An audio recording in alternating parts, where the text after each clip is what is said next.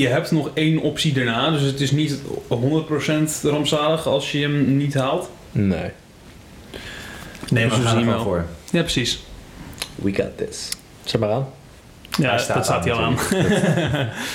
Dat begrijpen jullie natuurlijk ook wel. Nee, ik luister heel veel podcasts die gewoon zo beginnen en die dus al deze dingen niet editen, die soms gewoon drie uur duren en waarin je gewoon alle ongemakkelijkheid van het begin en de vorderingen binnen een gesprek allemaal meekrijgt. En ik vind het heerlijk. Hoe blijf je zo lang gefocust op één ding? Nee, dat is het hele ding. Je bent daar niet op gefocust. Je zorgt ervoor dat je dat luistert als je onderweg bent, als je met iets anders bezig bent waar je niet heel erg hard bij hoeft na te denken. Maar wanneer ben je drie uur lang onderweg? Nee, ik luister hem ook niet in één keer af. Nou, toevallig, toevallig ben ik pas drie uur onderweg geweest naar België.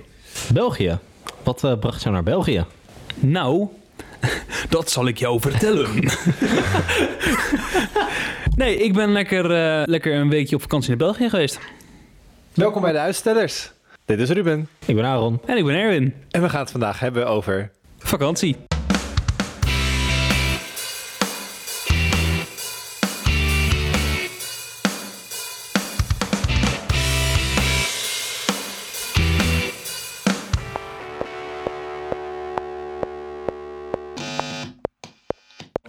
Ja, we kunnen dus na...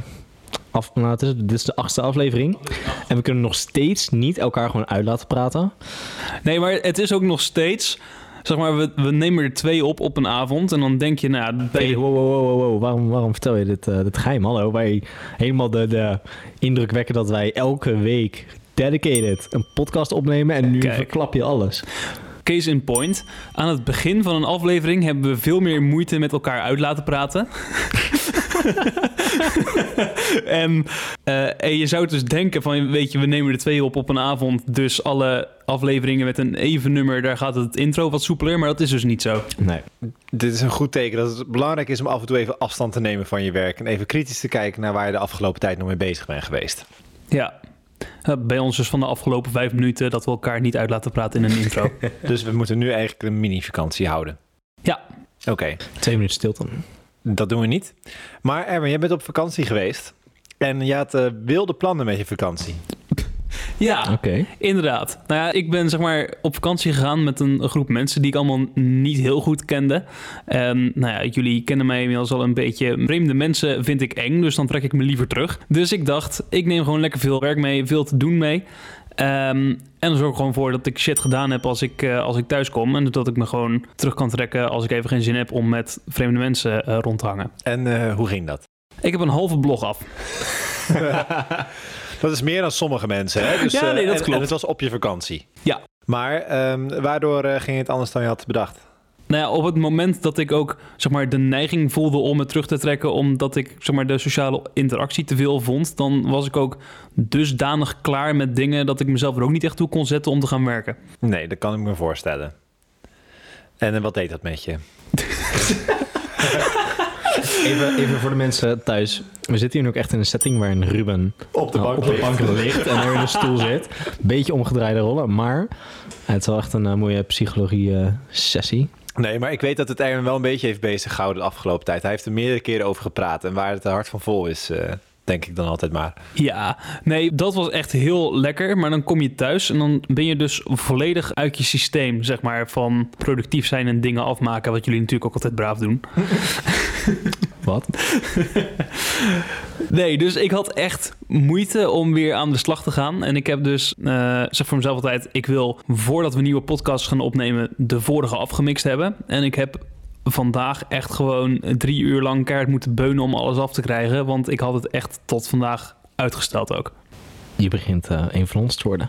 We hebben een slechte invloed op Erwin. Ik heb het wel afgemaakt, dus... Dat maar, is waar. Maar hey, we hebben allemaal invloed op elkaar. Want eh, waar jij nu vandaag heel hard moest spelen om het af te krijgen... hebben Aaron en ik juist, terwijl we gisteren ergens mee bezig waren... het vandaag er keihard aan gewerkt. Met de nadruk op dat ik er vandaag keihard aan heb gewerkt. Ik heb wel genoten. Om, om even vorderingen te maken en dingen niet te lang te laten liggen. Want wat bij mij en bij Aaron volgens mij ook vaak een probleem is... hebben we het ook eerder over gehad. Als je niet meteen uitwerkt waar je aan begonnen bent... of niet in elk geval een eerste ruwe versie ergens van maakt... en het even laat liggen, dan begin je er bijna niet meer aan. Ja, grappig hoe dat dan... eh, nou, hoe we allemaal onze invloed op elkaar hebben. Ik weet niet of het echt daaraan ligt, maar eh, we gedragen ons vooral een beetje als de ander. nou ja, treklessen van elkaar. Die, die krijg je gewoon, of je dat nou wil of niet. Je, beïnvloedt elkaar sowieso. En daardoor, nou, ik wil niet zeggen dat je allemaal dezelfde persoon wordt, maar hoe langer en hoe meer tijd je met elkaar doorbrengt, nou, hoe meer dat uh, eigenlijk een beetje naar elkaar overloopt. Dus ik ben blij om te, uh, te horen dat Erwin ook vakantie heeft genomen. En dat is eigenlijk een beetje mijn levensstijl van zo min mogelijk overneemt.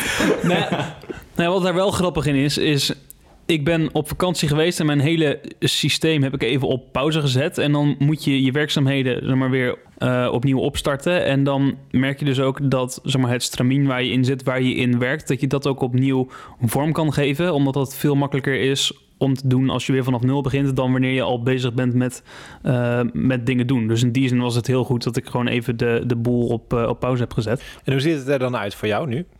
Als je met die, met die kennis kijkt naar je huidige workflow?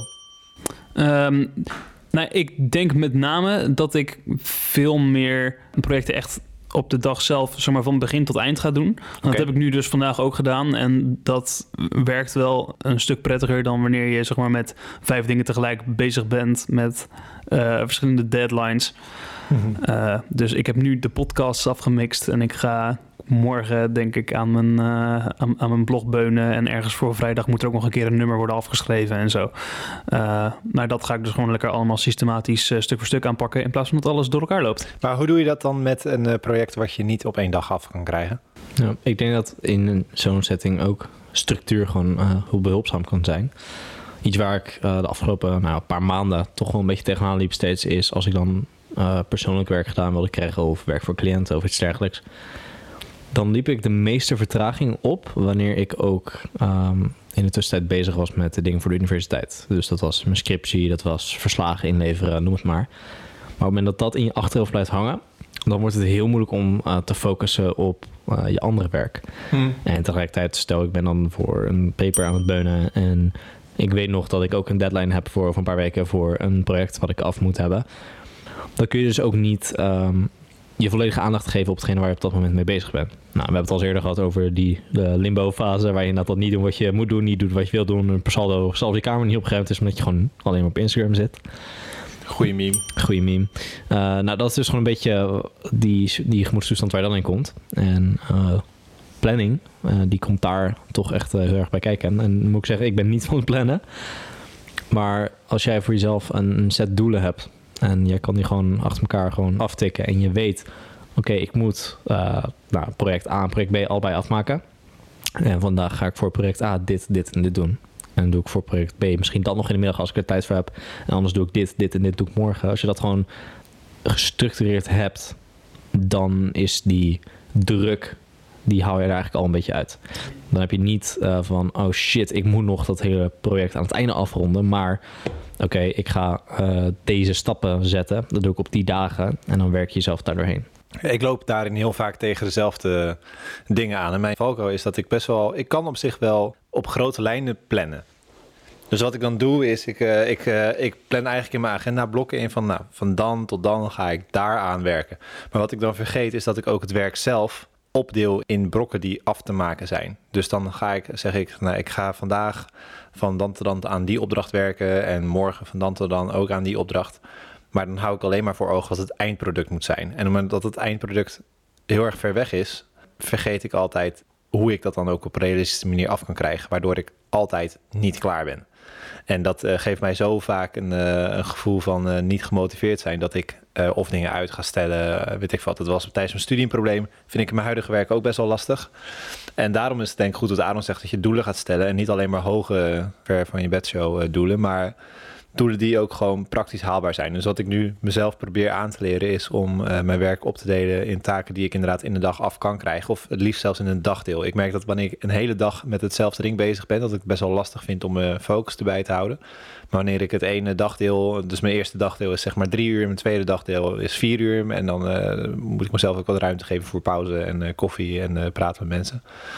Nou, als ik dat goed doe, dan, dan kan ik ochtends twee uur productief werken en smiddags misschien ook twee of drie uur productief werken. Dan krijg ik tenminste wat gedaan. Ja. Maar ik, uh, ik kom daar altijd achteraf achter. En wat in de realiteit vaak gebeurt is, uh, ik, uh, ik weet dat ik ergens aan moet beginnen. In de ochtend doe ik allemaal nutteloze dingen. eh, ben ik wel een soort van met werk bezig. Maar lukt het maar niet om echt gewoon te beginnen aan dat ding waarvan ik weet, hier moet ik vandaag hard aan werken. Dan heb ik eindelijk de energie bij elkaar verzameld om daar in de middag aan te beginnen. Maar dan is het half vier. En dan heb ik eigenlijk nog anderhalf uur voordat ik eh, weer naar huis moet gaan om uh, eten te koken of zo. Ja, nou, iets wat ik recent uh, ben gaan proberen om te implementeren in mijn planning, of mijn gebrek daaraan, is een, een ja, soort van planningstechniek. Er is ook een hele mooie naam voor, maar waar het op neerkomt is dat je eigenlijk één ding kiest. Daar ga je het gros van je tijd aan spenderen. Mm -hmm. En bijvoorbeeld daar blok je, nou ja, of ik van je ochtend, of ik vond van 9 tot 1 in of zo. Dat is één ding wat jij die dag af wil hebben. En op het moment dat dat gelukt is, uh, dan is jouw dag eigenlijk al compleet. En alles wat je daarna nog gedaan krijgt, zijn alleen maar bonus. Um, en wat dat als uh, voordeel heeft, is als het dan langer duurt om iets gedaan te krijgen, maar je krijgt alsnog af. Nou, dan is jouw dag dus, uh, omdat je dat van tevoren hebt afgesproken met jezelf van dit is wat ik gedaan moet krijgen, dan is die dag alsnog een succes. Dus kun je alsnog met een gerust hart naar bed gaan, uh, s'avonds. En um, dan is het ook niet erg om, als je dat geen af hebt, uh, dan voor jezelf te kiezen en zeggen: Oké, okay, ik ga nu even wat anders doen. Ja. Ik ga nu even een stukje lopen. Ik ga nu even een kopje koffie drinken. Ik ga nu even, wat je net zei, even kletsen met mensen. Die, dat stukje uh, ontlading en uh, rust, daar heb je dan ook geen probleem mee met jezelf. Dat is niet erg. Dat vakantiemomentje. Je, dat vakantiemomentje, want daar ging het uiteindelijk om. Ja. Kijk, ik herken de waarde daar wel van. Kijk, ik heb de neiging om die vakantiemomentjes te pakken, terwijl ik eigenlijk gewoon bezig zou moeten zijn. En dat is, uh, dat is de verkeerde volgorde. Maar tegelijkertijd, ik kan wel heel erg de, de, de tijd dat ik niet werk waarderen. Ik, ik vind het best wel belangrijk om die ook uh, mezelf die ruimte te geven om wat te doen. Ik zie ook heel veel mensen die voelen zich heel verantwoordelijk om iets af te krijgen. Ze zijn puur bezig met de taak. En die krijgen dan wel de taak gedaan, maar die zijn daarna of uh, uitgebrand of volledig gestrest. Of die vergeten gewoon helemaal dat er ook andere mensen zijn in de wereld. En, en ja, uiteindelijk gaat het ook hierin weer om balans. Maar ik merk dat heel veel mensen niet de juiste waarde geven aan niks doen. En ik geef er soms te veel waarde aan. Niet dat ik per se lui ben, want ik, kan, ik ben iemand die goed werkt in sprints. Um, maar als ik vergeet om mijn werk van tevoren daarop in te delen, dan uh, loop ik gewoon tegen mezelf aan. Ja, ik denk dat het belangrijkste moment van de werkdag eigenlijk de lunch is. Omdat je daarin ook de tijd hebt om je, om je proces even te resetten. En opnieuw te beginnen en opnieuw je proces op te starten. En dan ben je natuurlijk soms halverwege met iets waar je, waar je mee bezig was. Ja. Maar dan kun je gewoon even, even fris beginnen en weer met een, met een andere blik je proces evalueren. Ik had uh, denk een week of twee geleden een heel interessant gesprek met mijn oma. Mijn uh, oma die uh, rookt al de hele leven en het ging dus over roken. En waar het op een gegeven moment op neerkwam is dat...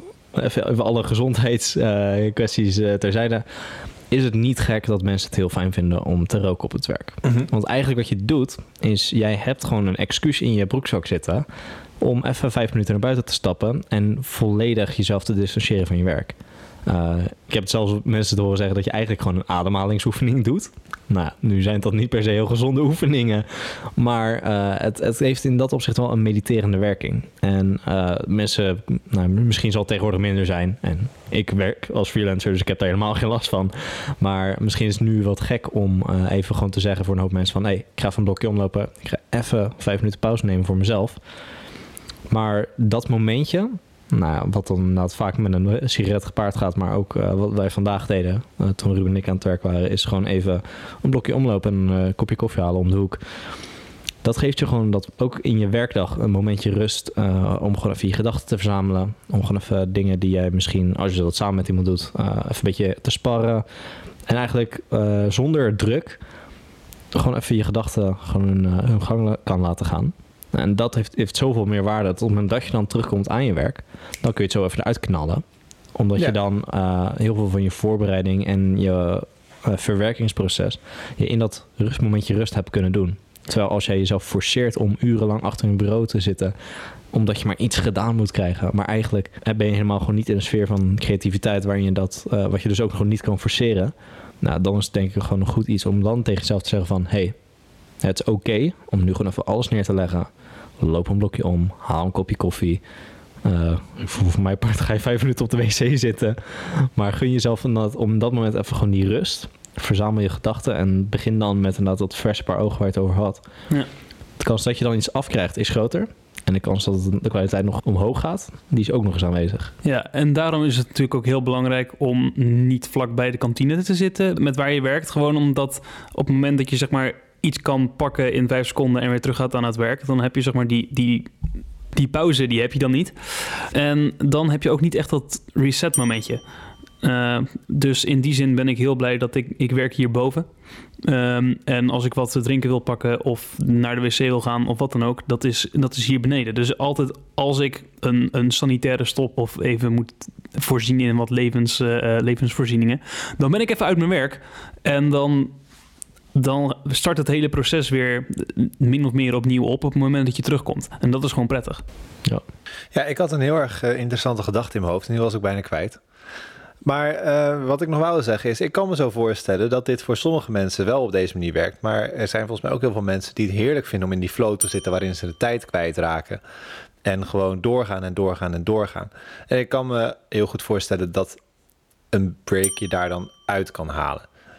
Want ik heb af en toe van die momenten dat ik wel zo aan één stuk door kan werken. Dat, dat is ook best wel erg lekker. Of zeker, ik heb ook al in de tijd dat ik studeerde, dat ik dan s'avonds in de bibliotheek ging zitten en dan opeens kon ik die meters maken. Maar misschien zijn er mensen die daar gewoon meer aanleg van, van voor hebben van zichzelf. Een beetje die uh, de vergelijking die ik wel eens maak tussen een diesel en een elektrische auto. Ik heb heel erg die oplaadmomentjes nodig op een dag.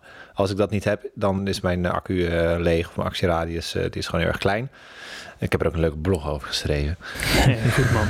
Nee, maar wat je natuurlijk wel in, in gedachten moet houden als luisteraars, is dat wij ook maar drie mensen zijn op deze wereld. En dat wat wij zeggen niet voor iedereen werkt. Maar ook als wij zeggen dat je af en, af en toe pauzes nodig hebt, dat je ook niet gedwongen bent om die te pakken. Nee, Helemaal niet als je lekker bezig bent. Het is juist als je ergens in vast zit, dan is het goed om een pauzemoment te nemen. Op het moment dat het niet nodig is, dan is het niet nodig. Nee, precies. En het gaat er vooral om dat je jezelf de vrijheid geeft om aan te voelen wat je eigenlijk nodig hebt, wat je diep van binnen weet.